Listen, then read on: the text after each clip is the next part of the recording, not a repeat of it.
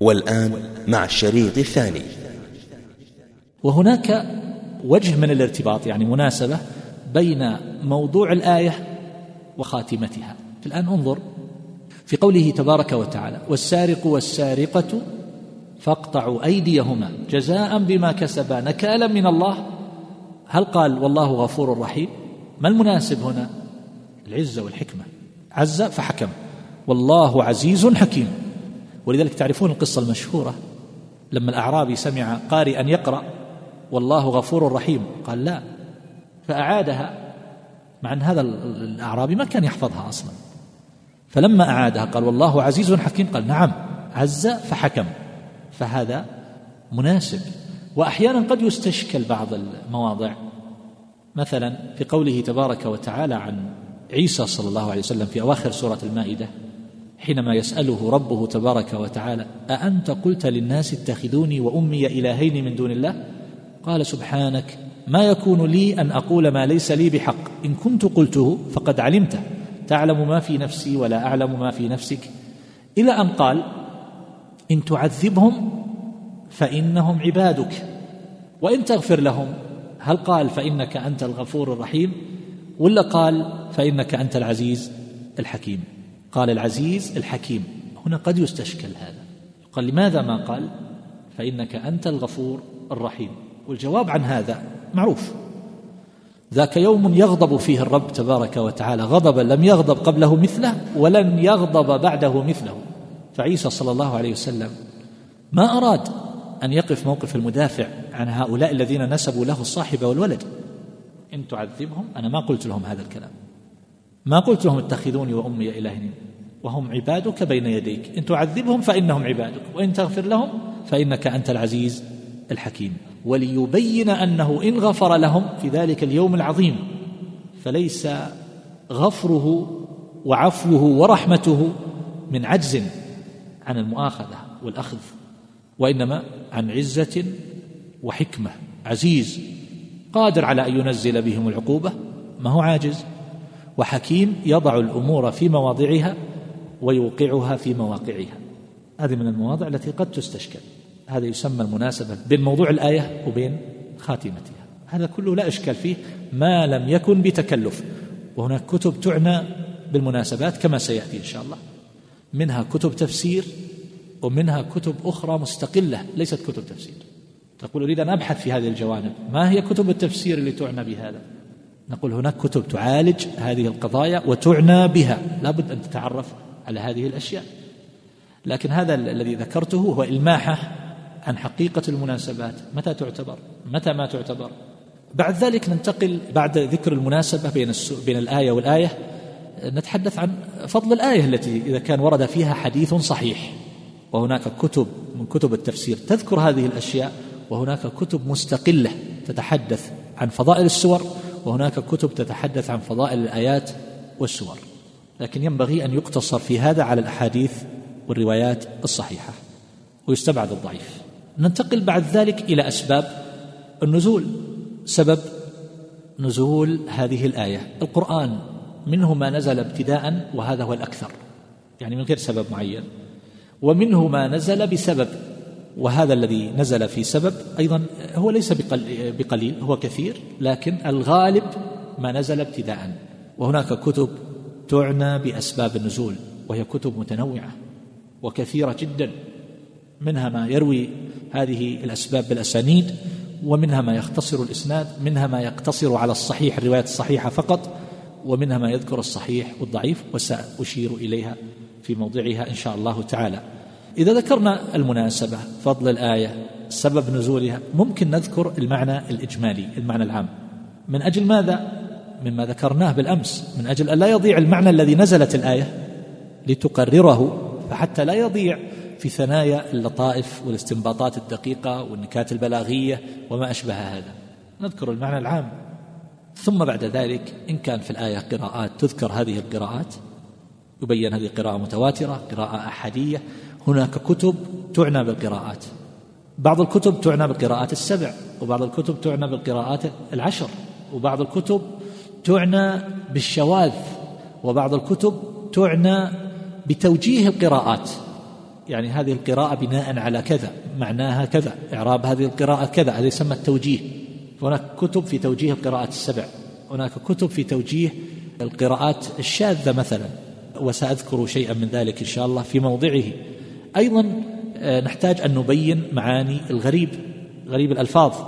وهذا أيضا له مصنفات كثيرة منها المطولة ومنها ما هو مختصر وسأبينها إن شاء الله في موضعها. كذلك نحتاج أن نذكر ما نحتاج إليه من الإعراب إذا كان يتوقف عليه المعنى.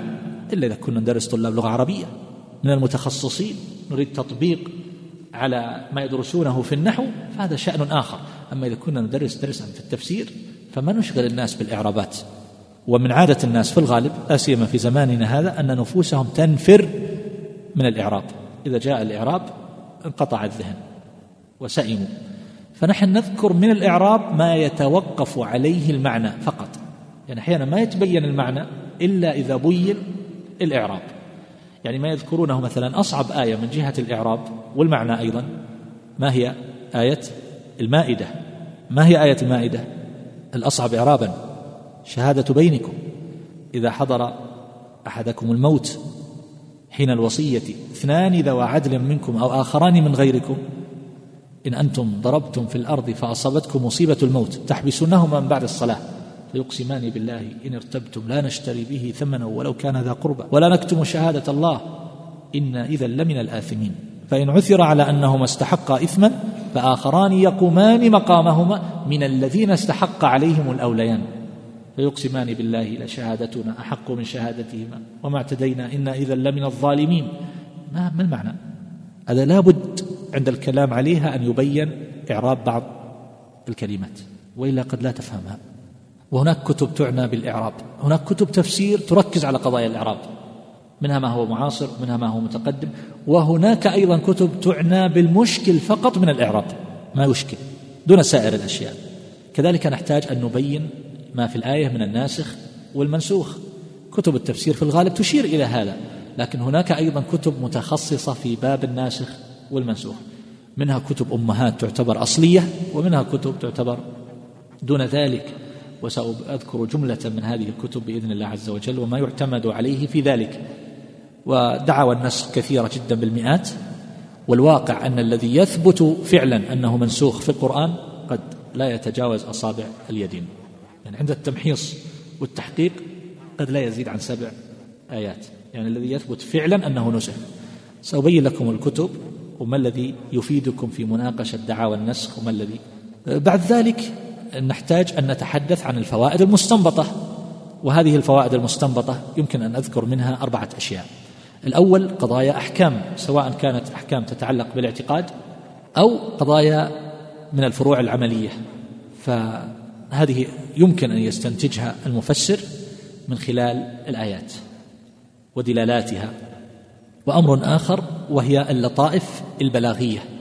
لماذا قال الله عز وجل مثلا فلما أن جاء البشير؟ لماذا ما قال فلما جاء البشير؟ ليه جاءت؟ أن. أن جاء البشير. على كل حال فمثل هذه الأشياء لعله يمر عندما نعلق على بعض كتب التفسير ونحن نعرف بها أذكر لكم بعض اللطائف في بعض الكتب. وهذه أشياء مفيدة وتضفي على درس التفسير شيئا من الحلاوة والتنشيط للسامع فيستلطفها ويستعذبها. كذلك أيضا يبين ما يسمى بموهم التعارض اللي هو المتشابه المعنوي. يعني هنا قال الله عز وجل مثلا فيومئذ لا يسأل عن ذنبه إنس ولا جان. في موضع آخر قال وقفوهم إنهم مسؤولون. هل فيه تعارض؟ لا يسأل هنا. نقول يوم القيامة يوم طويل. في يوم كان مقداره خمسين ألف سنة. ففي بعض المواطن لا يسأل أحد عن ذنبه. وفي بعض المواطن يسألون. أو يقال إنه لا يسأل سؤال استعتاب من أجل أن يعذر. ليه هداك الله فعلت هذا؟ من أجل أن يعتذر ويقبل. عذره لا. وإنما يسأل سؤال تبكيت. لاحظتم؟ في موضع أخبر أنهم لا ينطقون. وفي موضع آخر أخبر أنهم يتكلمون. إن لبثتم إلا عشرة. لبثتم إلا يوم في موضع أخبر أنه لا يكلمهم وفي موضع آخر قال لهم اخسأوا فيها هو قال اخسأوا فيها ولا تكلمون. فقوله اخسأوا فيها هذا تكليم يقال لا يكلمهم كلام تشريف وإنما كلام تبكيت وهكذا. وهذا فيه مؤلفات تعالج هذه القضايا. وأمر آخر من الفوائد المستنبطة هو الرابع منها اللي هي اللطائف والفوائد. التربوية. تذكر بعض الفوائد الجميلة الأشياء المستنبطة التي يمكن أن يقال. يعني مثلا حينما يقول الله عز وجل قد سمع الله قول التي تجادلك في زوجها وتشتكي إلى الله والله يسمع تحاوركما. قد سمع الله قول التي تجادلك في زوجها. كما جاء عن عائشة رضي الله عنها. الحمد لله الذي وسع سمعه الأصوات. تقول إني لفي ناحية البيت ما أسمع ما تقول. فهنا نتحدث عن قضية سمع الله عز وجل وأنه سمع نافذ يسمع دبيب النمل يسمع أصواتنا وكلامنا فينبغي للإنسان أن يحاسب وأن يتقي الله عز وجل فيما يقول وأن يعلم أن هذا الكلام يكتب ويقيد وأن الملك العلام جل جلاله يسمع كل كلمة ينطق بها الإنسان يتحرز ويخاف وهكذا. فهذه مواطن كثيرة جدا. في القرآن يمكن أن يقف عندها الإنسان وتربى عليها النفوس وهذا أعظم تربية. ولو أن الناس نظروا فيما حواه القرآن من هذه المعاني لأغناهم وكفاهم عن غيره والسنة شارحة للقرآن يغنيهم. ولا يمكن أن يأتي التربويون بنظرياتهم بشيء صحيح إلا وتجد ذلك في القرآن بأوضح عبارة. هاتوا ما شئتم. ولذلك يقول شيخ الإسلام تيمية رحمه الله لو أن الناس نظروا في القرآن واعتبروا ما فيه لاستغنوا به عن غيره مما يقوله الناس. وهذا شيء مشاهد. وجربت هذا حضرت عددا من الدورات من أجل الاستفادة منها وهو يتكلم وهم يتجادلون فيما يسمى بورش العمل والطائرات المستديرة ويذكرون ويشرقون ويغربون والقضية تلوح في القرآن واضحة في غاية الوضوح.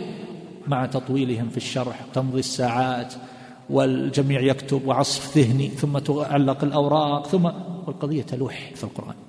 وإذا نظرت إلى ما تشرحه السنة من القرآن أو كلام أهل العلم على هذه الأشياء تجدها في غاية الدقة منظمة عبارات مخيوطة كما يقال. بل إذا ذكرت لهم هم يتعجبون منها يقولون أول مرة نسمع هذا الكلام. هذا يحصل ويتكرر. ولا زلت أشاهده إلى هذا اليوم اللي نتحدث معكم فيه. كلام طويل وتجده في القرآن بعبارة وجيزة. ولا أقصد طبعا التكلف في حمل القرآن على معان كما يفعل بعض الناس. لا ليس هذا هو المراد. الآن إذا عرفنا كيف نرتب الأفكار والمعلومات. وهذه طريقة مقترحة يعني ليست ليس هذا هو اللازم.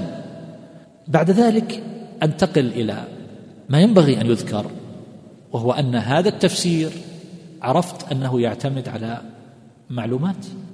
وهذه المعلومات تؤخذ من كتب التفسير ومن كتب أخرى أيضا غير كتب التفسير. ومن مصدر ثالث وهو الاستقراء والجمع وهذا ما يمكن أن أتحدث عنه. لكن هذا لن يكون عندك قاعدة. نحن نريد أن يكون عند الإنسان تصورات. ليس المناقشة جزئيات وأمثلة وتطبيقات. ولذلك نحن سنتحدث عن الكتب الكتب التي تتعلق بالتفسير والكتب الأخرى التي تعين الناظر في التفسير وليست بكتب تفسير. وقبل الشروع في الكلام على الكتب أريد أن أذكر بقضية لأنكم حينما تقرؤون في كثير من الكتب التي تتحدث عن كتب التفسير مثلا يتحدثون عن أول ما ألف في التفسير وأن التفسير كان مختلطا بالحديث ويذكرون أوائل من ألف في التفسير يقولون شعبة بن الحجاج المتوفى سنة 160 للهجرة سفيان بن عيينة 198 للهجرة وكيع بن الجراح 196 يقولون هؤلاء من أوائل المؤلفين في التفسير وكان التفسير مختلطا بالحديث هكذا يقولون. لكن عند التتبع والنظر فيما وراء هذه الكتب التي تتحدث عن هذه القضايا وينقل بعضهم عن بعض عادة تجد أن الأمر ليس كذلك. ليس كما يقولون. التفسير أيها الأحبة إشارة سريعة فقط. التفسير من الفسر وهو الكشف. سواء كان ذلك في الأمور الحسية تقول كشف عن ساعده وذراعه أو كان ذلك في الأمور المعنوية وهو الكشف عن المعنى المغطى إظهار الكشف والإبانة والإظهار إظهار المعنى إبانة المعنى الغامض. هذا هو التفسير في اللغة. وفي الاصطلاح يمكن أن نقول بأنه بيان مراد الله عز وجل من كلامه على قدر الطاقة البشرية لأنه لا يمكن لأحد أن يحيط بجميع معاني القرآن إلا من تكلم به سبحانه وتعالى. الكلام الذي يذكرونه في أوائل ما كتب في التفسير أقول هذا فيه نظر. الصحابة رضي الله تعالى عنهم كانوا يسألون النبي صلى الله عليه وسلم عما يشكل عليهم من تفسير القرآن والروايات في هذا كثيرة. لما سألوه عن الشرك إن الشرك لظلم عظيم. لما سألوه الذين آمنوا ولم يلبسوا إيمانهم بظلم بين لهم أنه الشرك. تشكل عليهم الآية يسألون أحيانا النبي صلى الله عليه وسلم يبين لهم ابتداء وهذا في مواضع كثيرة. لكن هل بين لهم النبي صلى الله عليه وسلم جميع معاني القرآن؟ الأقرب أنه لم يبين لهم جميع معاني القرآن وإنما بين لهم ما يحتاجون إليه وذلك أن التفسير كما قال ابن عباس على أربعة أضرب. منه ما لا يسع جهله لأحد منه ما لا يجهله أحد. هذه الأشياء الواضحة والبينة الظاهرة. ومنه ما تعرفه العرب من لغاتها. يحتاج إلى لغة. ما الأب؟ إنها ترمي بشرر كالقصر. قال ابن عباس كنا نجمع الحطب في الشتاء على قدر ذراع نعده للشتاء ونسميه القصر. هذا يعرف من اللغة.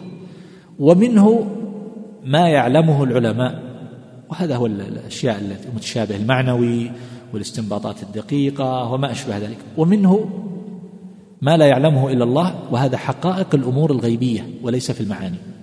فالصحابة رضي الله عنهم كانوا يسألون كان النبي صلى الله عليه وسلم يبين لهم ما يحتاجون إليه ثم الصحابة تلقى بعضهم عن بعض وتلقى عنهم التابعون أيضا.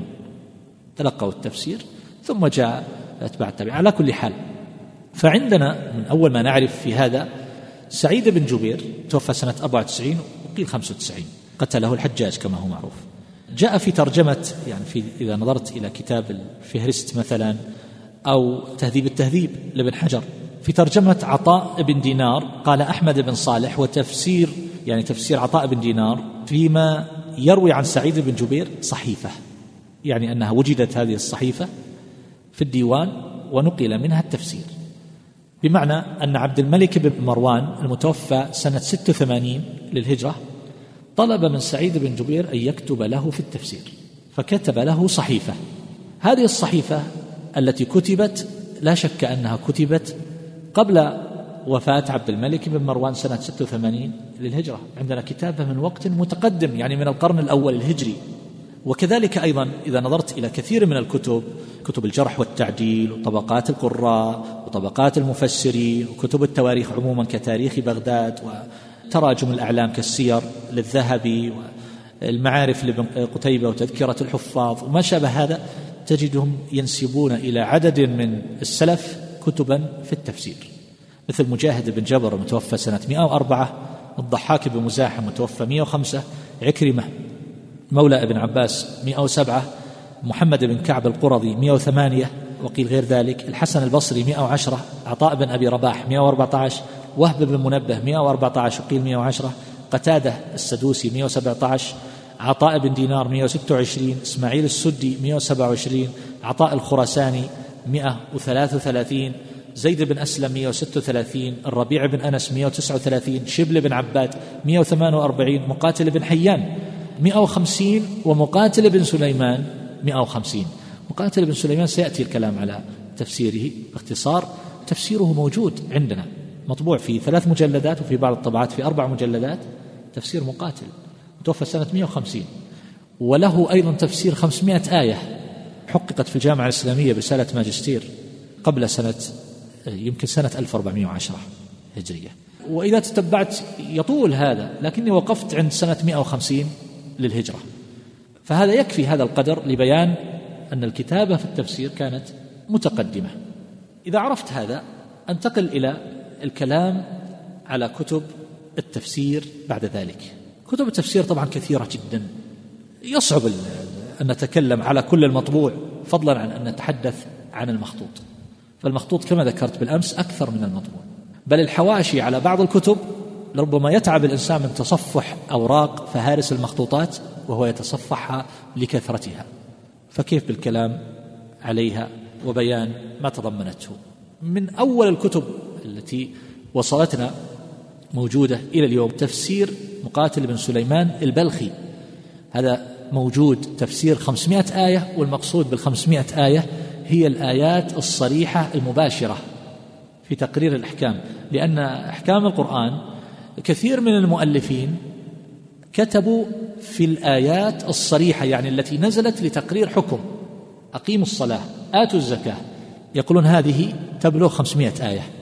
فكثير من المؤلفين في الأحكام اقتصروا على هذه الآيات. هناك كتب تعنى باستنباط من القرآن استنباط الأحكام والمعاني مثل تفسير القرطبي من أي موضع حتى القصص. يعني القصص فيها أحكام. الله عز وجل حينما يذكر قصة أصحاب الكهف يقول فانطلق حتى إذا ركب في السفينة خرقها. قال أخرقتها لتغرق أهلها لقد جئت شيئا إمرا خرقها. هنا نأخذ مسألة فقهية. طبعا هذا ليست الآية سيقت لبيان الحكم لكن نستنبط منها حكم. هذا لا يذكرونها أصحاب الخمسمائة آية من القصص. خرقها أن يجوز إتلاف البعض في سبيل إبقاء الكل. إنسان عافانا الله وإياكم وكل مبتلى. ظهر في طرف أصبع رجله الإبهام غرغرينة. ما حكم قطع الأصبع أو الرجل؟ ما الحكم؟ هل نقول هذا عضو محترم لا يجوز قطعه ولو مات الإنسان؟ الجواب لا. يقطع البعض في سبيل استصلاح الكل. واضح؟ أنت معك أمانة أموال أعطاك إياها إنسان. وقال لك اذهب بهذه الأموال. هذه الأموال ثلاثمائة ألف ريال وصلها إلى وكيل فلان. في الطريق جو قطاع طرق. وقال ما نترك حتى تعطينا خمسين ألف. فأعطيتهم خمسين ألف في سبيل استبقاء مئتين وخمسين ألف. هل تضمن لصاحب المال إذا رجعت إليه؟ ولا ما تضمن؟ ما تضمن؟ تقول هذه مع السلامة خمسين ألف وأنا دفعتها من أجل أن أحفظ بقية مالك ولا كان كل المال راح؟ يجوز أن نضحي بالبعض في سبيل إبقاء الكل. لاحظت؟ كذلك الغلام لما وجد الغلام على سيف البحر قال فقتله. قال أقتلت نفسا زكية بغير نفس؟ لقد جئت شيئا نكرا.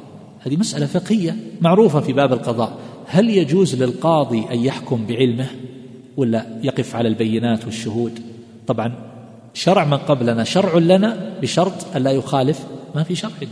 فأحيانا تأتي قضية أنت تعلم أن فلان يفعل الفواحش وما لا يليق وأن هذه التهمة اللي وجهت إليه أنها عنده وفيه و... لكن قاضي الآن لابد من الشهود أو البينة. ما في شيء يثبت. أنت تعرف أن هذا الإنسان يسرق أموال الناس ويحتال وأن الأرض هذه ليست له. جاك إنسان ويدعي ويقول هذه أرضي. طيب ماذا ستقول له؟ تلقائيا تقول له البينة. ما عندي بينة. ما عندنا لك شيء.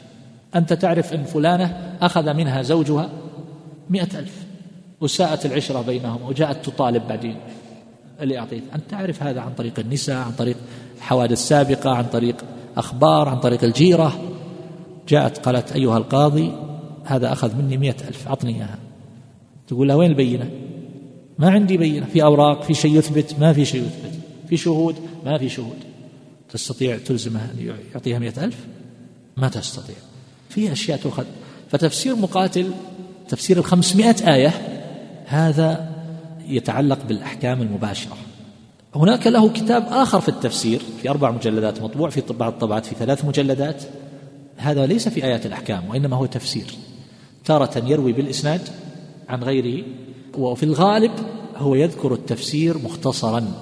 وكلام أهل العلم في الثناء كلام السلف في الثناء على تفسير مقاتل كثير جدا. كان بعضهم في غاية الإعجاب بهذا التفسير. لكنهم تكلموا فيه من ناحيتين. من ناحية الاعتقاد واشتهرت عبارة أبي حنيفة رحمه الله أنه جاءنا من قبل المشرق رأيان خبيثان مقاتل مجسم والجهم معطل وسرت بين العلماء وتناقلوها وجرت على لسان أئمة كبار. لكن هل هذا ثابت عن مقاتل أنه مجسم؟ كتاب التفسير لا يظهر فيه شيء من التجسيم أبدا. تفسير خمسمائة آية ما في شيء من التجسيم. هل هذه العبارة نشأت ثم راجت باعتبار أن من الناس من كان يقول عن أهل السنة الذين يثبتون الصفات أنهم مجسمة؟ قد لكن الكتاب ليس فيه شيء من هذا. كتب مقاتل اللي وصلت ما فيها شيء من هذا. ولهذا لما ذكره شيخ الإسلام تيمي رحمه الله وذكر ما نسب إليه من التجسيم قال ولعله لا يثبت عنه. عبارة مختصرة لكن هذا الدلالة كبيرة. اتهم بالتجسيم وهذا لا يوجد ما يثبته. القضية الأخرى وهي اتهم بالكذب في الرواية وكلام الأئمة في هذا كثير. يقولون هو تفسير جيد لكن الرواية الرجل متهم بالكذب. فإذا نظر في تفسيره انتفع به الإنسان لا سيما أن الكتاب الموجود تفسير مقاتل غالبه ليس في الرواية توجد في بعض الروايات بالإسناد لكن الغالب فيه ليس من قبيل الرواية. فيستفاد من تفسيره المعاني الحسنة وأما قبوله في الرواية فهذا شأن آخر. فهذا من منذ سنة كم؟ 150 للهجرة. هناك كتب أخرى عندنا مثل تفسير يحيى بن سلام المتوفى سنة 200 للهجرة. هذا التفسير يوجد فيه بعض النواقص يعني بعض الخروم وله عدة نسخ خطية في مصر. وهذا تفسير يحيى بن سلام يذكر أسباب النزول ويفسر القرآن بالقرآن ويذكر المرويات بأسانيده غالبا ويرجح ويشير إلى القراءات ويوجهها باختصار ويكثر الرواية عن الكلب والسدي. وتعرفون حال الكلب والسدي في الرواية. ويذكر بعض الإسرائيليات ولا يعلق عليها. هذا تفسير يحيى بن سلام. ويحيى بن سلام كما ترون متقدم حتى إنه ذكر أن عامة من روى عنهم قد رووا عنه وأخذوا عنه. يعني هو مثلا عصر الإمام مالك رحمه الله ويذكر أن مثل الإمام مالك والليث ومن في طبقتهم أنه أخذ عنهم وأخذوا عنه. هذا الكتاب تفسير يحيى بن سلام له ثلاثة مختصرات. الأول وهو المسمى بتفسير كتاب الله العزيز لهود بن محكم الهواري. هذا متوفى سنة 280 للهجرة تقريبا يعني مو بعيد من عصر المؤلف. وهو أول مختصر لتفسير يحيى بن سلام. هذا المؤلف من الخوارج أباضي ولاحظ التاريخ 280 متوفى. كثير من الفرق الموجودة منذ القدم في تقريبا نفس مواقعها الجغرافية اليوم. يعني إلى اليوم الأباضية لهم وجود في بلاد المغرب. إلى اليوم. فهذا كان هناك. المؤلف أباضي والمواضع التي لا توافق عقيدته يعبر عنها بطريقته. وهذا طبعا خلاف الأمانة العلمية. والمفروض أن هذا اختصار لتفسير يحيى بن سلام ويحيى بن سلام على اعتقاد أهل السنة. فهذا يعبر في المواضع اللي تتعلق بالشفاعة وقضايا يعبر بطريقته هو ويحذف الروايات والأحاديث التي لا توافق مذهبه. جاءت أحاديث شفاعة يحذفها. وهكذا أيضا أحاديث الجهنميين لأن الخوارج تعرفون يرون خلود أهل الكبائر في النار. فيحذف هذه الأحاديث. وحذف أسانيد الكتاب واكتفى بذكر الصحابي. كتاب مسند تفسير يحيى بن سلام. وأما أقوال التابعين فإنه يقول قال بعضهم. طبعا تفسير يحيى بن سلام لا يقتصر على ذكر الروايات وإنما يذكر بعض القضايا المتعلقة بالمعاني كما سمعتم. قضايا آه، تتعلق باللغة. وهذا خلاف المشهور الذي تجدونه في كثير من الكتب التي تتكلم عن كتب التفسير وطريقتها. يقولون الكتب كانت تعنى بالرواية فقط سرد روايات. إذا إلى أن جاء ابن جرير وابن جرير متوفى سنة 310 يعني بعد وفاة ابن سلام ب 110 من السنين. 110 فيقولون ابن جرير هو الذي كان يذكر الروايات ويناقش. ويذكر معاني لغوية إلى آخره. أما الذين قبله فلم يكن لهم إلا سرد الروايات. يقول لهم هذا مو بصحيح. يحيى بن سلام لا يقتصر على ذكر الروايات بل يذكر أشياء أخرى.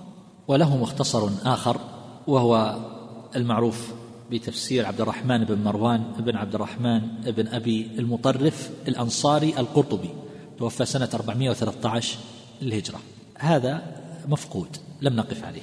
المختصر الثالث بتفسير يحيى بن سلام وهو كتاب مطبوع موجود بين أيدينا في خمسة مجلدات طبع في السنوات الأخيرة وهو تفسير القرآن العزيز لمحمد بن عبد الله بن عيسى الإلبيري الإمام المعروف بابن أبي زمنين. وهذا من أئمة أهل السنة والجماعة وله كتاب معروف مشهور اسمه السنة يعني في الاعتقاد. متوفى سنة 399 للهجرة. اختصر تفسير يحيى بن سلام بحذف المكررات وحذف بعض الأحاديث والأثار وزاد فيه بعض الزيادات فيما لم يفسره يحيى بن سلام وعامة ذلك في اللغة والإعراب وتوجيه القراءات. وكما ذكرت تفسير يحيى بن سلام فيه بعض الأشياء اللغوية والإعرابية لكنه أضاف إعرابات كثيرة وقضايا لغوية كثيرة مقارنة يعني بما ذكره يحيى بن سلام. وتكلم على القراءات ووجهها وأبقى أسانيد يحيى بن سلام ما حذفها. وميز الزيادات التي زادها هو عن الأصل بقوله قال يحيى قال محمد. إذا قال قال يحيى يعني ابن سلام وإذا قال قال محمد يعني ابن أبي زمنين. وهذا جيد. ويؤخذ على الكتاب على كل حال ذكر بعض الإسرائيليات المنكرة من غير تعليق عليها مع ذكر بعض الأحاديث الضعيفة وهكذا الإكثار من الرواية عن محمد بن السائب الكلبي وهو متهم كما هو معروف إضافة إلى التوسع في دعاوى النسخ. على كل حال ذكر الروايات التي لا تصح هذا موجود واضح في الكتاب وعلى كل حال هو تفسير سهل ومختصر لا يخوض في الخلافات يشير إلى قضايا النسخ ناسخ المنسوخ المكي والمدني العام والخاص أسباب النزول وغير هذا. مع كثير من قراءات السلف قراءة الصحابة والتابعين مع ذكر القراءات السبعية والعشرية يعني يذكر المتواتر وغير المتواتر. وينقل عن أئمة اللغة كأبي عبيد القاسم بن سلام والخليل بن أحمد الفراهيدي والزجاج وأمثال هؤلاء والكتاب مطبوع. كتاب موجود متوفر. أما بعد فمرحبا بكم معاشر الإخوان والأخوات ونسأل الله تبارك وتعالى أن ينفعنا وإياكم بما نسمع.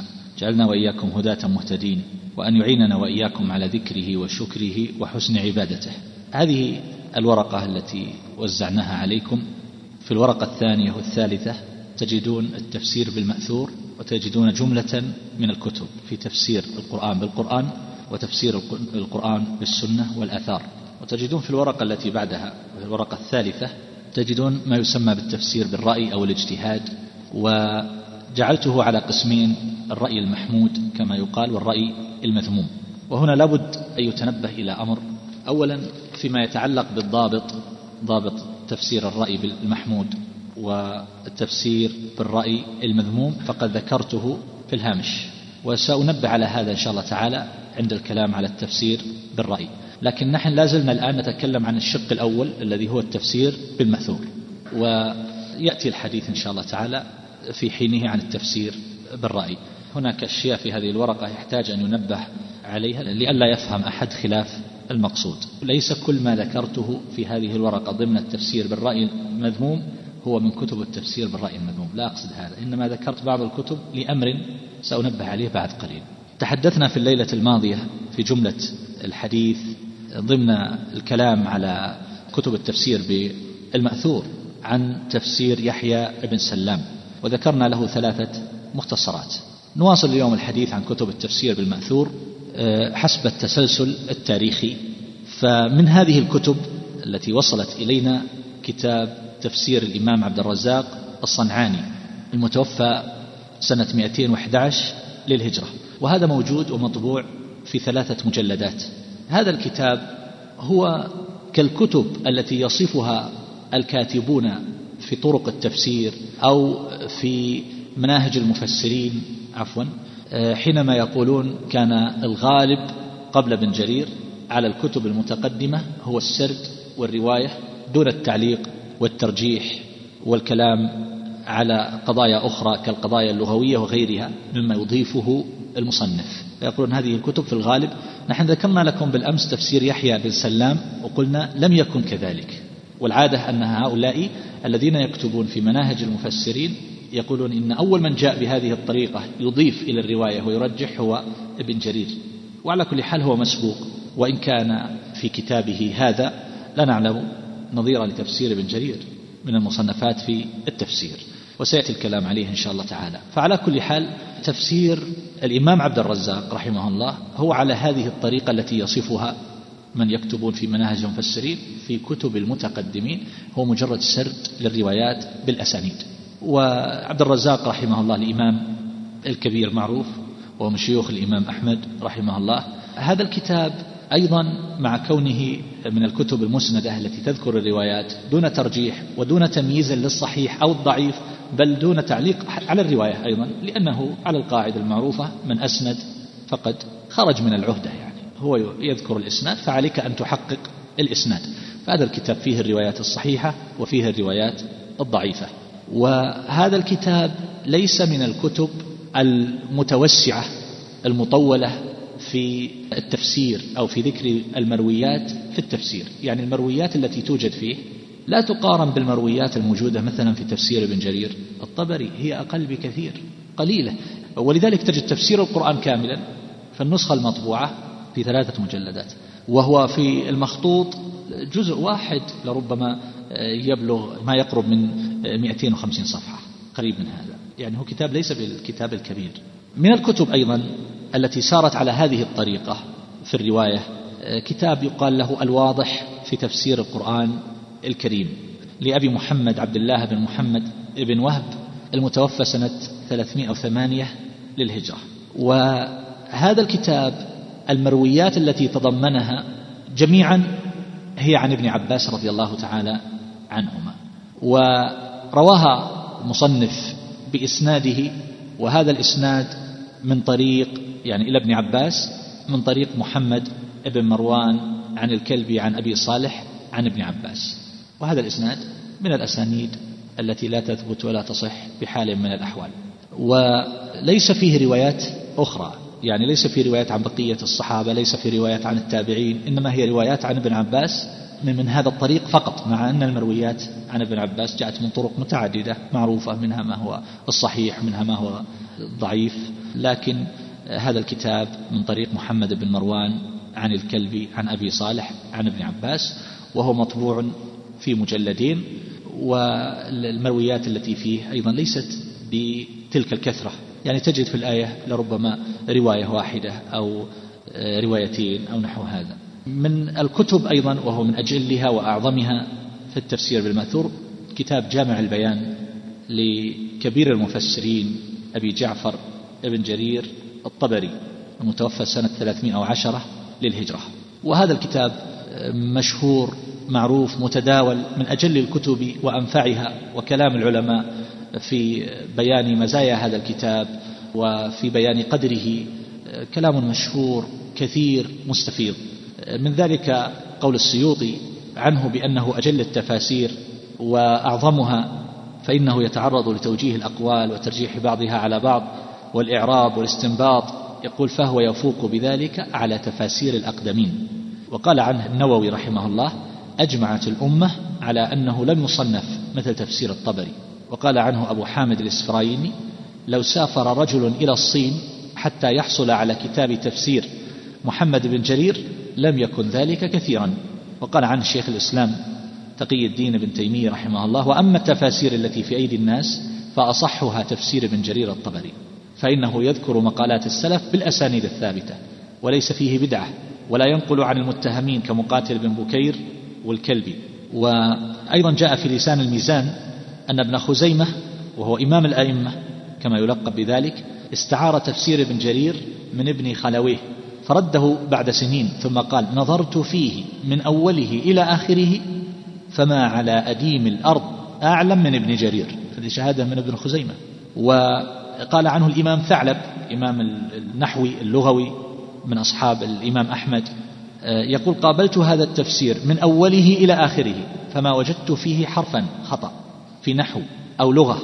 وهذا الكتاب جاء في معجم الأدباء عن أبي بكر بن بالويه قال قال لي أبو بكر محمد بن إسحاق بن خزيمة بلغني أنك كتبت التفسير عن محمد بن جرير أملاه على تلامذته يقول قلت نعم. قال في أي سنة؟ قلت من سنة ثلاث وثمانين إلى سنة تسعين. كم سنة؟ سبع ولا ثمان؟ احسب ثلاث وثمانين. يصير ثمان سنوات. ولا لا؟ إذا حسبت ثلاث ثمانين شيء ليس بالسهل كتاب مثل هذا. كم الناس يجلسون يؤلفون رسالة في الماجستير أو في وحجم الكتاب الأصلي كما جاء في الطبقات الكبرى لابن السكي أن ابن جرير قال لأصحابه أتنشطون لتفسير القرآن؟ قالوا كم يكون قدره؟ فقال ثلاثون ألف ورقة. فقالوا هذا ربما تفنى الأعمار قبل تمامه. فقال ضعفت الهمم. فاختصره في نحو ثلاثة آلاف ورقة. ثلاثة آلاف من ثلاثين ألف؟ كم النسبة؟ واحد إلى عشرة وليت هممهم كانت قوية. حتى يكتب ما أراد. طريقة المؤلف رحمه الله لا بأس أن نذكر أشياء لأهمية هذا الكتاب. طبعا يذكر الروايات بالأسانيد وقل أن يتكلم على هذه الروايات بتعقيب أو انتقاد من جهة الكلام على الرواية. ما هو المعنى؟ الرواية. من عادة ابن جرير رحمه الله أنه يذكر المعنى الإجمالي في البداية وهذا من محاسن هذا التفسير المعنى العام. ثم بعد ذلك إذا كانت الآية فيها أقوال يذكر الخلاف قال طائفة بكذا وذكر من قال ذلك ثم يسرد الروايات سردا. ثم بعد ذلك يقول وقالت طائفة وقال آخرون بأن المعنى كذا وكذا. ثم يقول ذكر من قال ذلك ثم يسرد الروايات. ثم يأتي بالقول الثالث ثم يسرد المرويات عنهم. وفي هذه الروايات بطبيعة الحال الصحيح والضعيف. ثم بعد ذلك يبدأ يرجح وهو حينما يريد أن يرجح يقول قال أبو جعفر. فإذا رأيت قال أبو جعفر معناها الآن بدأ هو يتكلم ويذكر لك ترجيحه مضمنا لكثير من التأصيل والتقعيد فهو من الكتب العظيمة التي تبني طالب العلم. تبين لماذا قال بهذا القول.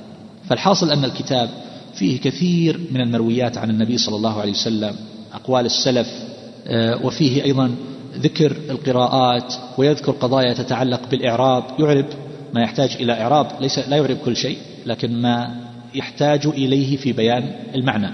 ويرجح بين الأقاويل ويذكر عند ذلك الشواهد من العربية ويتكلم على قضايا اللغة ومعاني الألفاظ وأيضا يتحدث عن الأحكام الفقهية من غير توسع بحيث لا يكون ذلك غالبا على الكتاب.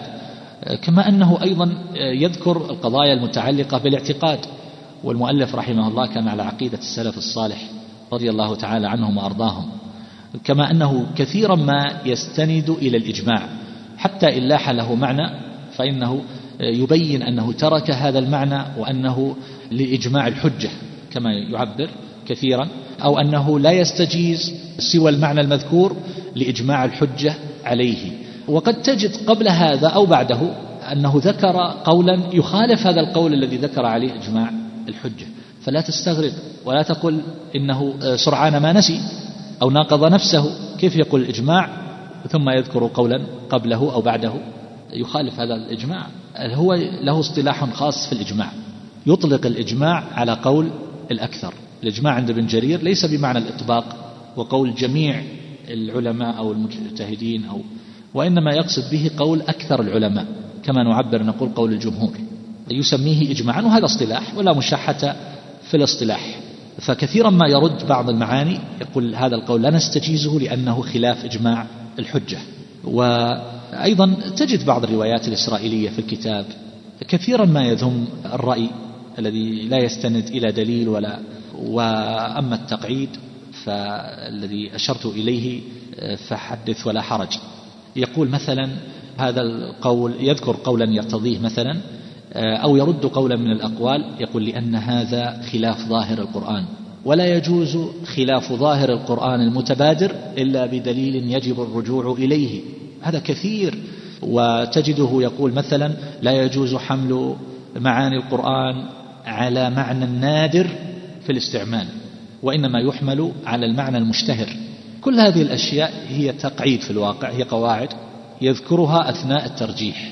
ولذلك فهذا من الكتب التي إذا أراد طالب العلم أن يبني نفسه وأن يقرأ كتبا تنمي عنده الملكة في التفسير وأن تكون دراسته مؤصلة فعنده مثل هذا الكتاب في كتب التفسير هذا وتفسير ابن كثير وتفسير أضواء البيان. وما جمع من كلام ابن القيم فإنه في غاية الجودة والمتانة. وما جمع من كلام شيخ الإسلام ابن تيمية. هذه خمسة في التفسير. كتب تبني طالب العلم فعلا إذا أراد أن يقرأ ويعرف التر... وجوه الترجيح. هذه الكتب. ابن جرير وابن كثير وأضواء البيان وما جمع من كلام ابن القيم وما جمع من كلام ابن تيمية. فإذا أراد أن يقرأ كتابا من غير كتب التفسير يؤصل ويبني ويقعد بحيث يكون الإنسان ملكة جيدة في العلم فعليه بكتب الشاطبي موافقات خاصة. وكذا كتاب الاعتصام. هذه كتب تقعد. لا تكون القضية مجرد حفظ للأقوال. نحن مهما قرأنا في التفسير سننسى. يعني أعرف من آه، قرأ كتبا كثيرة في التفسير. قرأ تفسير الميسر طبعا الجمع وتفسير ابن السعدي تفسير ابن كثير تفسير البغوي أضواء البيان القرطبي آه، كثير من تفسير ابن جرير. ويقول ما أتذكر أكثر ما قرأت. ذهب. الإنسان ينسى طبيعة بطبيعة الحال. لكن إذا قرأ كتبا تؤصل فإنه يبقى عنده الأصول والقواعد والضوابط وتنمو ملكته ويكون له ذوق في التفسير. هذا هو المهم. فعلى كل حال آه، أيضا ينبه على آه، بعض الانحرافات في التفسير. الذين مثلا يقتصرون على تفسير القرآن باللغة بعيدا عن أسباب النزول بعيدا عن ملابسات النزول كما يفعل بعضهم كأبي عبيدة معمر ابن المثنى. ينبه على هذا ويبين أن هذا خطأ وانحراف في التفسير وأمامي أمثلة لهذه الأشياء. كذلك أيضا هو يعتمد ظاهر القرآن ولا يحيد عنه إلا لدليل ويرد على من خالف ذلك يعني الذي يؤول الآيات من غير دليل يقول لك كونوا قردة خاسئين يقول مجاهد يعني مسخ معنوي فيرد عليه يقول الظاهر أنه مسخوا فعلا قردة. وكذلك الأمور والقضايا التي لا فائدة فيها مما يشتغل به كثير من المفسرين يقول لك مثلا سفينة نوح صلى الله عليه وسلم من أي خشب كانت؟ تجد روايات كثيرة. كم كان طولها؟ كم كان عرضها؟ كم عدد الطوابق؟ أين رست؟ من أول من ركب فيها؟ من آخر واحد ركب؟ من الحيوانات مثلا. كيف اجتمعت لنوح صلى الله عليه وسلم هذه الأشياء؟ إبليس آه، أين كان؟ هل ركب السفينة ولا ما ركب؟ وإذا كان ركب كيف ركب؟ يقولون تعلق بذيل الحمار. يقول الحمار كان يحاول يركب وما يستطيع لأن إبليس كان متعلق بذيله فكل ما حاول الركوب يعجز. حتى أذن نوح عليه الصلاة والسلام فركب الحمار ومعه إبليس متعلق في ذيله. وهذا كلام مبني على إسرائيليات وأكاذيب لا قيمة لها ويذكرون أشياء عجيبة ومتناقضة. يعني تقرؤون مثلا ما كتب في المائدة اللي أنزلها الله على بني إسرائيل. إيش كانت؟ أقوال متنافية. تقرؤون مثلا الأشياء التي قيلت عن العرش. عرش ملكة سبأ كم كان هذا العرش؟ أشياء عجيبة جدا وغير صحيحة إطلاقا. عدد أصحاب الكهف. مما لا يمكن أن يكون ذلك صوابا بمجموعه. فهو يرد على هذا. الثمن البخس شروه بثمن بخس. كم الثمن البخس؟ فهو يبين أن هذه القضايا أصلا لا فائدة فيها ولا ينبغي الاشتغال بها وأنه لو كان لها فائدة لبين ذلك القرآن. فينبغي الإعراض عنه. على كل حال هذا التفسير له مختصرات. من هذه المختصرات من اعتنى بجانب معين وهي قضية المفردات لأن ابن جرير كما ذكرت يذكر المعاني الغريبة. يذكر لك اللفظة اللي فيها غرابة؟ معنى كذا كذا في لغة العرب. وفيه يعصرون ما معنى العصر؟ ثم يأتي بشواهد ذلك من اللغة العربية من الشعر من مثلا أو يأخذهم على تخوف. إيش معنى التخوف؟ تنقص. ويأتي لك بالشواهد. وإذا ذكر لها معاني أخرى ذكرها. جاء من جمع هذه الألفاظ الغريبة فقط والمعنى الذي اختاره ابن جرير باختصار كابن صمادح محمد بن صمادح التجيبي الأندلسي المتوفى سنة 484 سماه مختصر غريب القرآن للطبري موجود مطبوع على هامش المصحف لابن صمادح. ومن المختصرات أيضا مختصر اسمه تفسير الطبري من كتابه جامع البيان عن تأويل آية القرآن. كتبه أو جمعه اثنان دكتور بشار عواد معروف والدكتور عصام الحرستاني. مقصودهم بهذا العنوان اللي هو تفسير الطبري يعني أنهم جاءوا بكلام الطبري. ما جاءوا بالروايات؟ جاءوا بكلام الطبري الذي تكلم فيه مختارا للمعنى مبينا له بمعنى. كما قلنا لكم بأن ابن جرير يذكر المعنى الإجمالي في البداية. فجمعوا هذا المعنى الإجمالي بعد كل الآيات ووضعوه آه، وذكروا كلامه في الترجيح وأيضا ما يخالف به القراءة المشهورة قراءة حفص. يعني إذا كان رجح قراءة أخرى اختارها يذكرون هذا. وكذلك قضايا النسخ المهمة يعني ما هو كل قضايا النسخ؟ ذكروها كلامها على قضايا النسخ.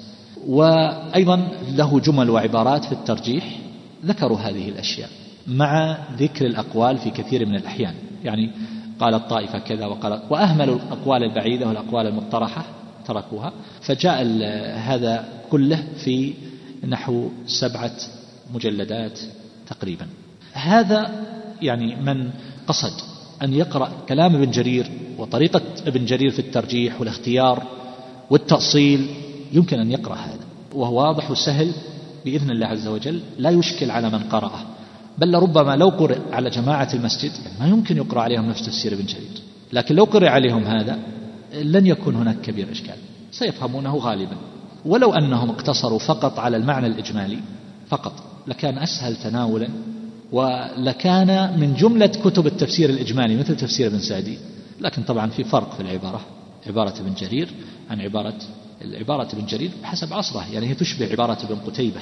بل ربما لو قرأها بعض الناس قد يستغرب منها. طريقة ضمائر والتقديم والتأخير والتعبير عن بعض في بعض الألفاظ وأحيانا تشعر أن الكلام.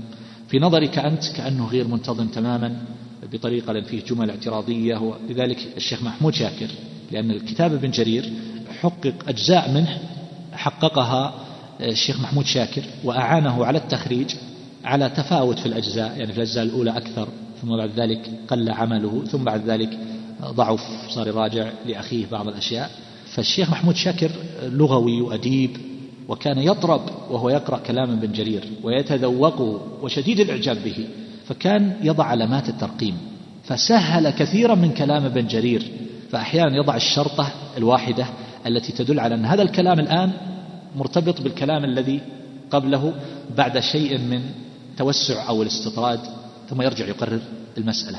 وإلى غير ذلك من أنواع ولهذا كان بعض العلماء يقول لو أن الشيخ محمود شاكر أعطي رسالة دكتوراه فخرية على علامات الترقيم في تفسير ابن جرير الطبري لكان جديرا بذلك فقط على علامات الترقيم اللي سهلت تفسير ابن جرير. هؤلاء طبعا استفادوا من عمل الشيخ محمود شاكر في هذه الناحية تماما علامات الترقيم وضبط الألفاظ وكذلك أيضا طبعة طبعة هجر استفادوا الطبعة الكاملة لابن جرير.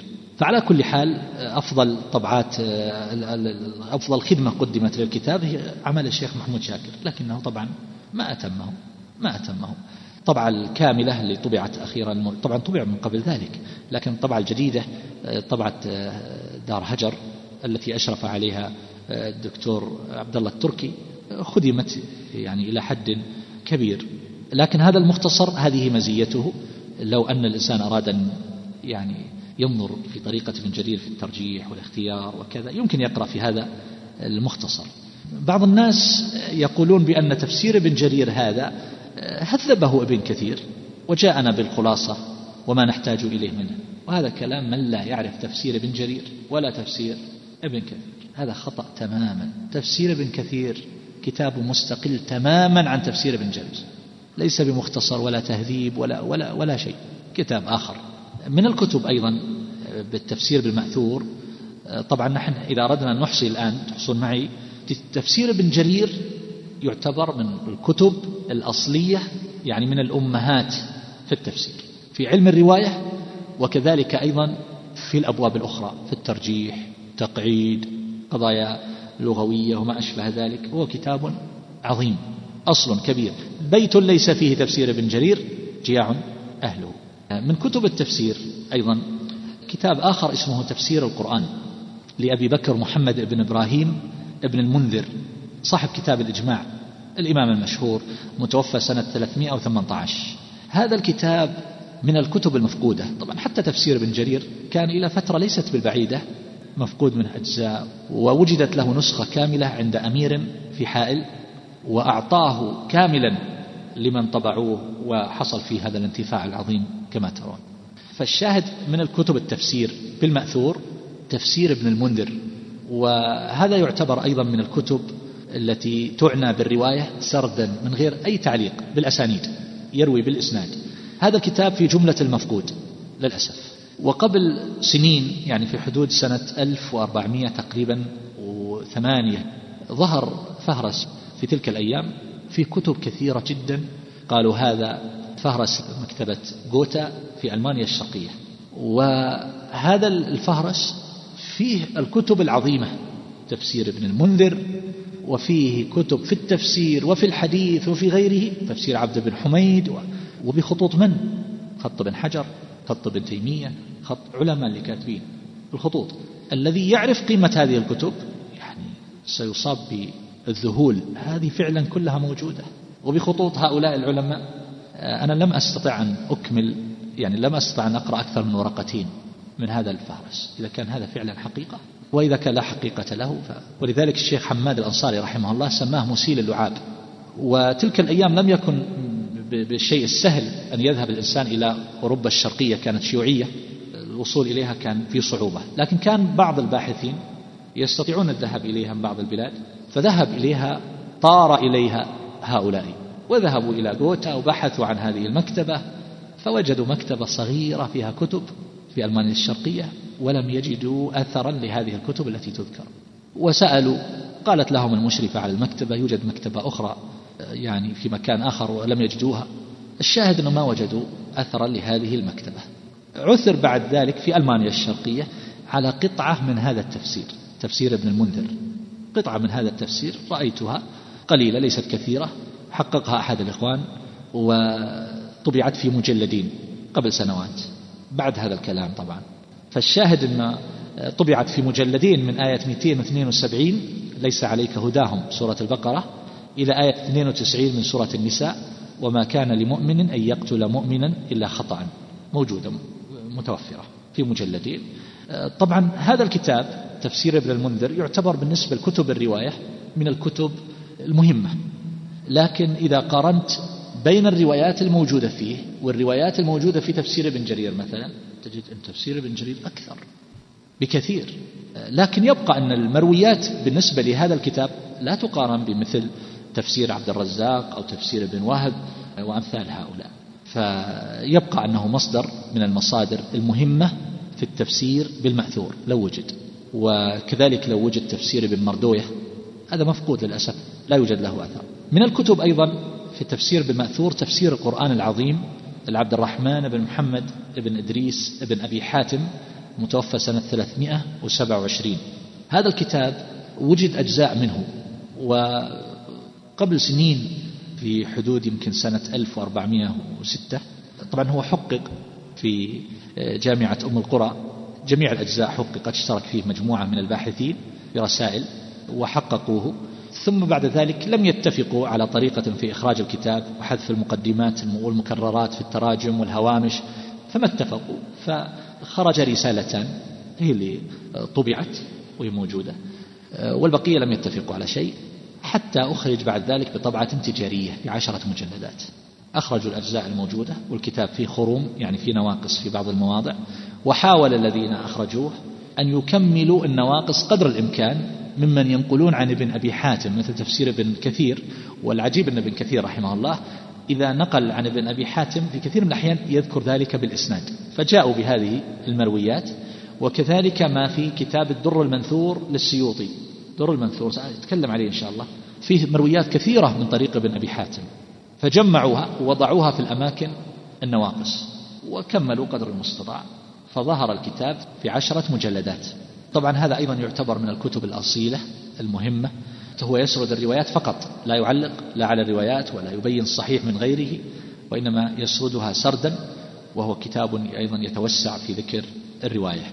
لكن تأتي أهمية الكتاب من جهة أنه مسند ومن جهة أيضا كثرة ما حواه من المرويات.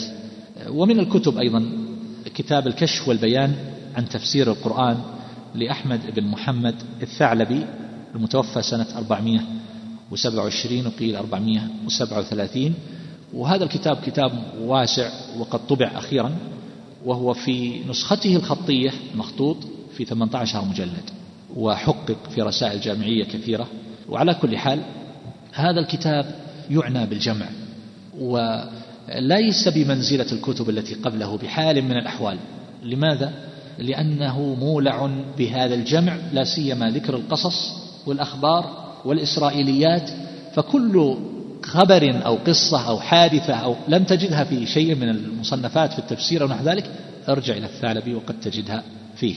فهو لا يميز بين الغث والسمين والمكذوب المهم أن يحشد أكبر قدر من هذه الأخبار والمرويات. ويذكر أسانيده في ذلك. هذا الكتاب الواسع اختصره إمام من أئمة السنة وهو أبو محمد الحسين بن مسعود البغوي.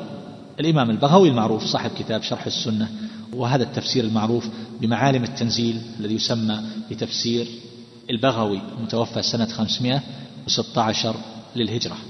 جرده من الأحاديث الموضوعة والمكذوبة والآراء المخالفة لعقيدة أهل السنة. الشيخ الإسلام ابن تيمية رحمه الله سئل عن هذا التفسير وعن تفسير القرطبي والزمخشري فاعتبر هذا الكتاب أسلم هذه الكتب من البدع ومن الأحاديث الضعيفة. طبعا في روايات ضعيفة لكنه حاول أن يجرده من حذف الأسانيد أيضا التي يذكرها الثعلبي لكنه ذكرها في المقدمة. إلا إذا روى عن أحد من طريق آخر غير ما ذكره في المقدمة. يعني إذا روى بإسناد غير أسانيده التي في المقدمة طريق آخر يذكر الإسناد. وفي روايات عن الكلبي وأمثال الكلبي من الضعفاء وإذا ذكر القراءات فهو يذكر القراءات المتواترة فقط ما يذكر الشواذ وتجد فيه القضايا اللغوية والإعرابية قليلة وعلى كل حال هذا الكتاب يعني يعتبر إلى الاختصار أقرب. ولذلك كان متداولا عند العلماء هنا في هذه البلاد يقرأ كثيرا على الشيوخ ويدرسونه في المساجد. وهو من هذه الناحية يعتبر أقصر من ابن كثير إلى حد ما فهذا الذي دعا إلى تدريسه وقضية الاعتقاد أيضا فهو كابن كثير من ناحية عقيدة أهل السنة. لكن تفسير ابن كثير لربما يتعب طلاب العلم في قراءته إذا كان ككتاب يدرس تعليمي. يتعبون من الروايات والتشعب هذه الروايات والتكرار أحيانا آه، للروايات. كان يمكن الاكتفاء ببعض هذه الروايات. ولذلك كان الذي يدرس في الغالب كثير من الأحيان هو تفسير البغوي لهذا السبب. لكن الآن حينما ظهرت بعض المختصرات الجيدة لابن كثير مثل اختصار الشيخ أحمد شاكر كما سيأتي وكذلك المصباح المنير. فهذه يمكن أن تقرأ الآن في المساجد في طلاب العلم أقصد ويعلق عليها وتشرح وكذا لأن حذف منها كثير من التكرار في الروايات وكذلك حاولوا أن يجردوها من الروايات الضعيفة. جردوا تفسير ابن كثير. على كل حال تفسير البغوي في بعض الروايات الإسرائيلية ومن غير تعقيب أيضا. في بعض الأحيان آه، يورد بعض السؤالات والإشكالات ويجيب عنها آه، ينقل الخلاف عن السلف في التفسير ولا يرجح. من الكتب أيضا لاحظوا التسلسل عندكم الآن في هذه الورقة تفسير بالمأثور. تلاحظون تفسير الثعلبي؟ وين تفسير الثعلبي؟ اللي هو الكشف والبيان. تجدون الأسهم تشير إلى معالم التنزيل وتشير أيضا إلى اللباب النقول في معاني التنزيل. تلاحظون هذا؟ فالشاهد ذكرت بعد تفسير البغوي اللي هو لباب التأويل في معاني التنزيل اللي هو تفسير الخازن. علاء الدين علي بن محمد البغدادي الخازن متوفى سنة 725 للهجرة إحنا قلنا أن البغوي اختصار لإيش؟ للثعلبي. الخازن اختصار للبغوي. واختصر البغوي وحذف الأسانيد وبدلا ما كان البغوي ذكر في أول الكتاب أسانيده لا.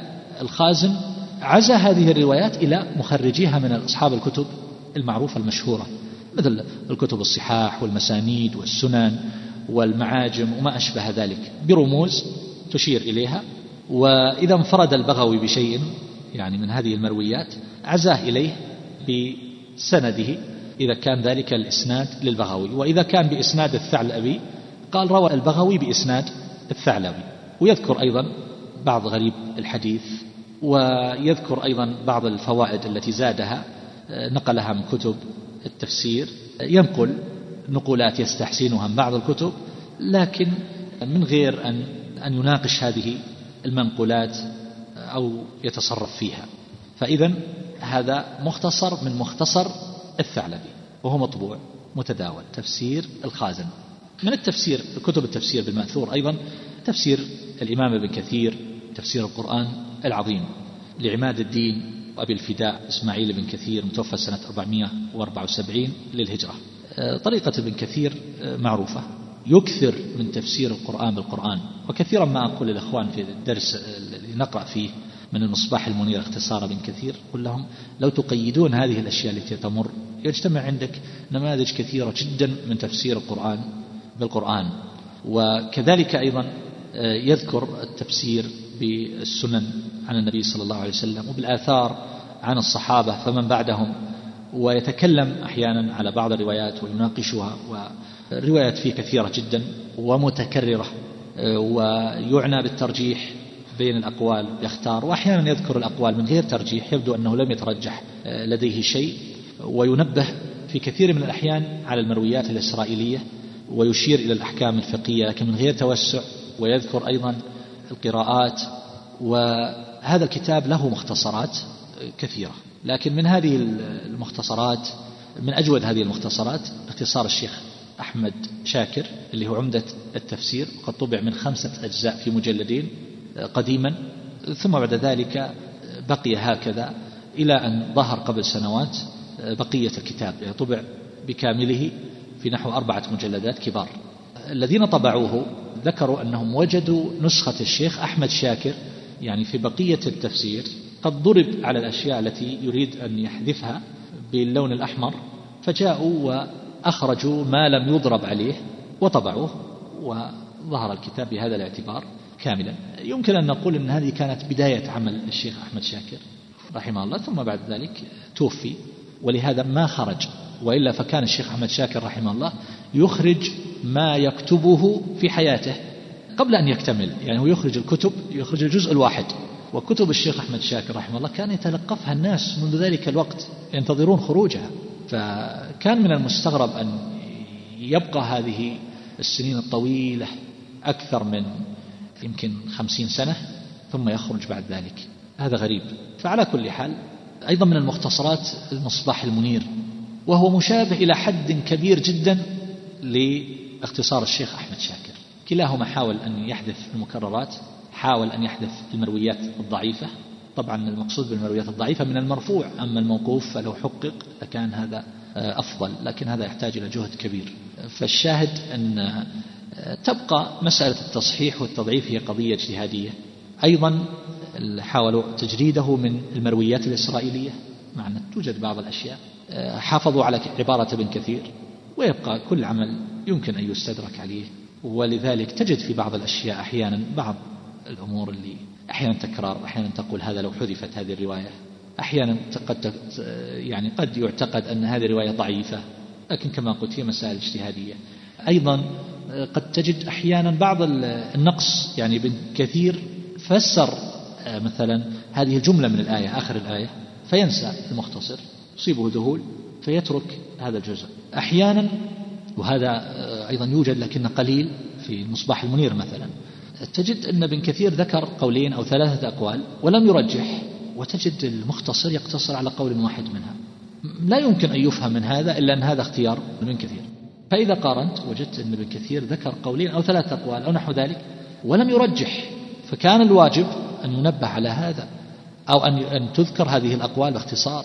لا أن يختار أحد هذه الأقوال ويظن أن هذا هو اختيار ابن كثير. وأحيانا في أحيان قليلة تجد مثلا في المصباح المنير آه، تجد الاختصار أحيانا العبارة ما تسعف. يعني ما يتضح مراد ابن كثير من هذه العبارة. في كلام آخر كان المفروض أن ينقل من كلام ابن كثير حتى يتضح مراد ابن كثير. آه، على كل حال آه، مهما كان يبقى كل عمل يمكن يستدرك عليه كما لله عز وجل. والعبرة بما غلب فهذا يعتبر اختصار جيد ومفيد ويمكن للإنسان أن يقتني هذا الكتاب ويقرأ فيه المرة بعد المرة وينتفع بإذن الله عز وجل انتفاعا كثيرا. قبل أن نجاوز هذا يمكن أن نشير إلى بعض الطبعات لتفسير ابن كثير. طبعات هذا الكتاب كثيرة جدا في السوق ولأن هذا الكتاب انتشر انتشار الشمس أصبح يعني هذا ممكن أن يكون مصدر للتجارة لدى كثير من الطابعين.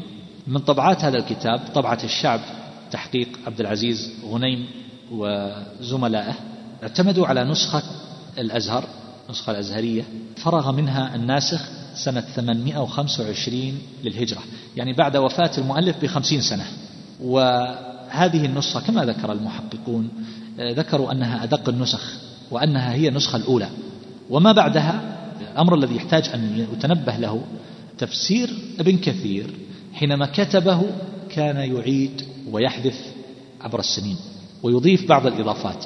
ولذلك الذي يحقق هذا الكتاب لربما يظن أن هذا من باب زيادة النساخ أو السقط أو نحو ذلك. فهذه النسخة الأولى فالمؤلف زاد عليها بعض الزيادات بعد ذلك. ولذلك لو قارنا بين بعض المطبوعات مثلا ستجد تفاوتا.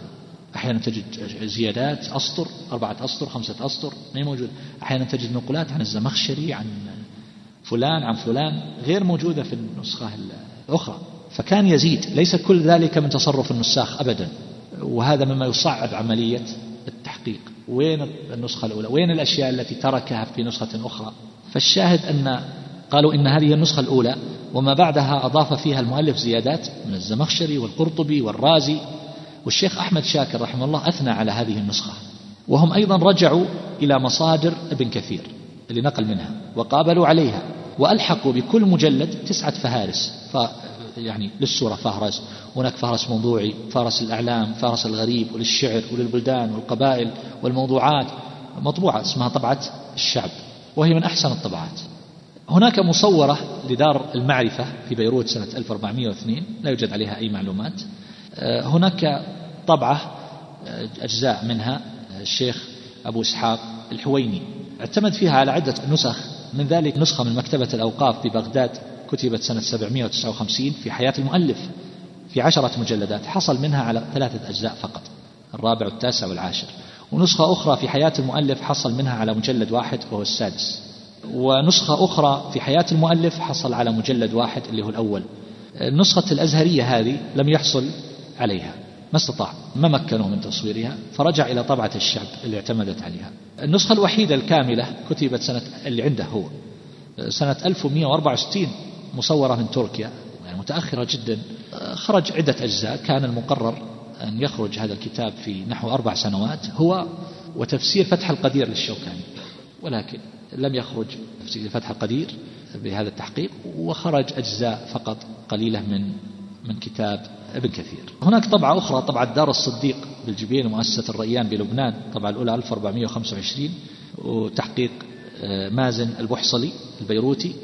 جمع بعض أحكام الألباني رحمه الله على الأحاديث إضافة إلى أحكام بعض المتقدمين والمتأخرين كالإمام أحمد بن معين وابن حبان والبخاري وابن الجوزي وابن حجر والذهبي. واعتمد يعني لم يحقق النسخة الخطية وهذا أهم شيء ما اعتمد على نسخة خطية وإنما اعتمد على طبعة مكتبة أولاد الشيخ للتراث بالقاهرة التي اعتمدوا فيها على نسختين خطيتين كاملتين وأثبتوا الفروق بالهامش مع التخريجات. ويقول إنه أخرج الكتاب واشتغل عليه في سنة ونصف. على كل حال هذه لا تعتبر من النسخ المحققة. التحقيق شيء آخر. لا تحقيق روايات ولا تحقيق نسخة خطية. هناك طبعة أخرى طبعة المكتبة التوفيقية في مصر قال تعليق وتخريج هاني الحاج. رجعت أحاديثه على كتب الألباني. وأسباب النزول من الصحيح المسند الوادعي. الصحيح المسند الوادعي جزء صغير بحث في السنة الرابعة سنة التخرج في الجامعة الإسلامية.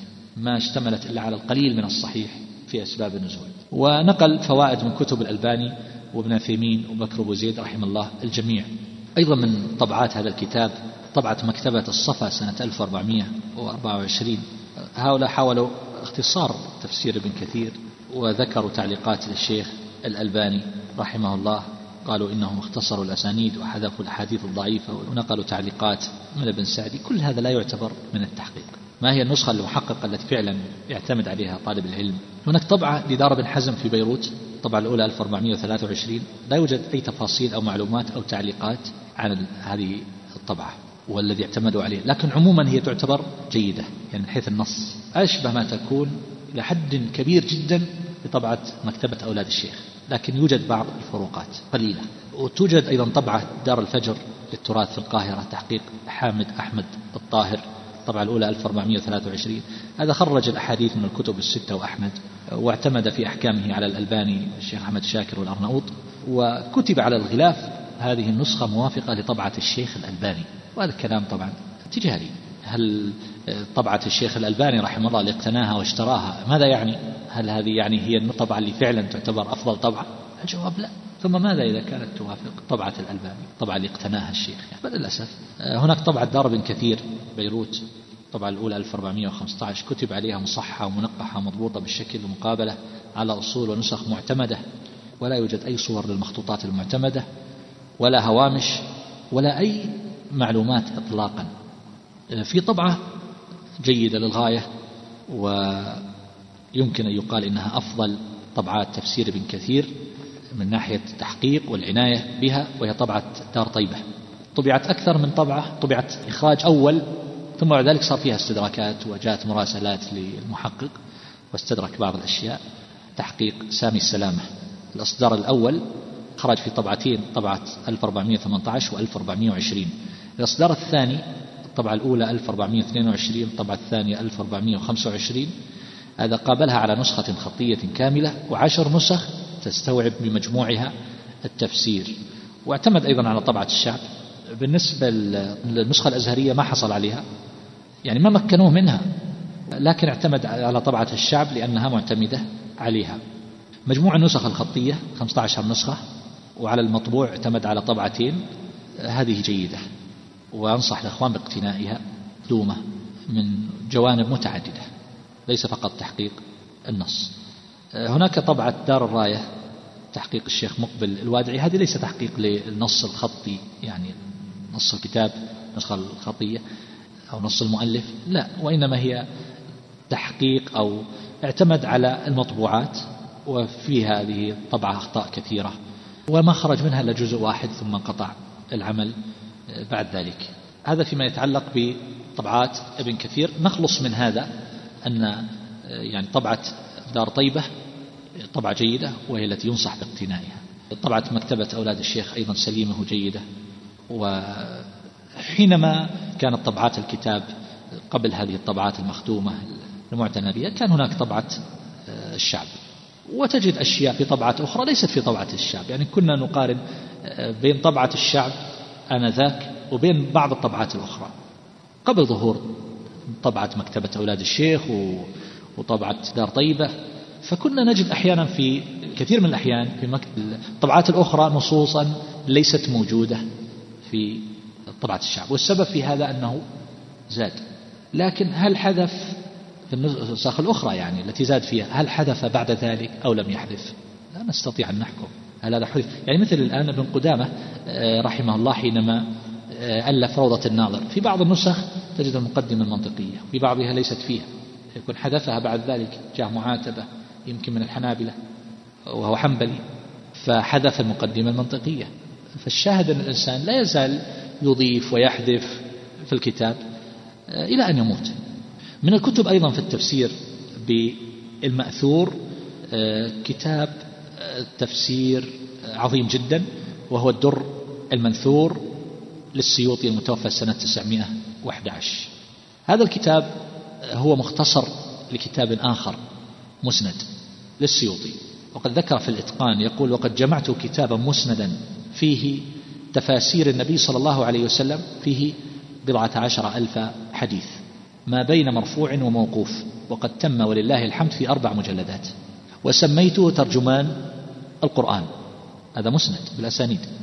وقال في المقدمة مقدمة الدر المنثور فلما ألفت كتاب ترجمان القرآن وهو التفسير المسند عن رسول الله صلى الله عليه وسلم وتم بحمد الله في مجلدات فكان ما أوردته فيه من الآثار بأسانيد الكتب المخرجة منها واردات. ورأيت قصور أكثر الهمم عن تحصيله ورغبتهم في الاقتصار على متون الأحاديث دون الإسناد وتطويله. فلخصت منه هذا المختصر مقتصرا فيه على متن الأثر مصدرا بالعزو والتخريج إلى كل كتاب معتبر وسميته بالدر المنثور في التفسير بالمأثور. إذا الدر المنثور هو اختصار لكتاب ترجمان القرآن والسيوطي له كتاب آخر سماه مجمع البحرين ومطلع البدرين. هذا كتاب كبير مكتمل. وإذا أردت أن تتصور ضخامة هذا الكتاب فإن كتاب الإتقان للسيوطي اللي هو يعتبر خزانة علوم القرآن يعني أوسع كتاب عندنا في علوم القرآن هو كتاب الإتقان. الإتقان مقدمة لكتاب مجمع البحرين. على كل حال هذا الكتاب كتاب الدر المنثور كتاب مختصر من جهة الأسانيد يعني ليس في إسناد وهو من أوسع بل هو أوسع كتاب وقفنا عليه من جهة المرويات.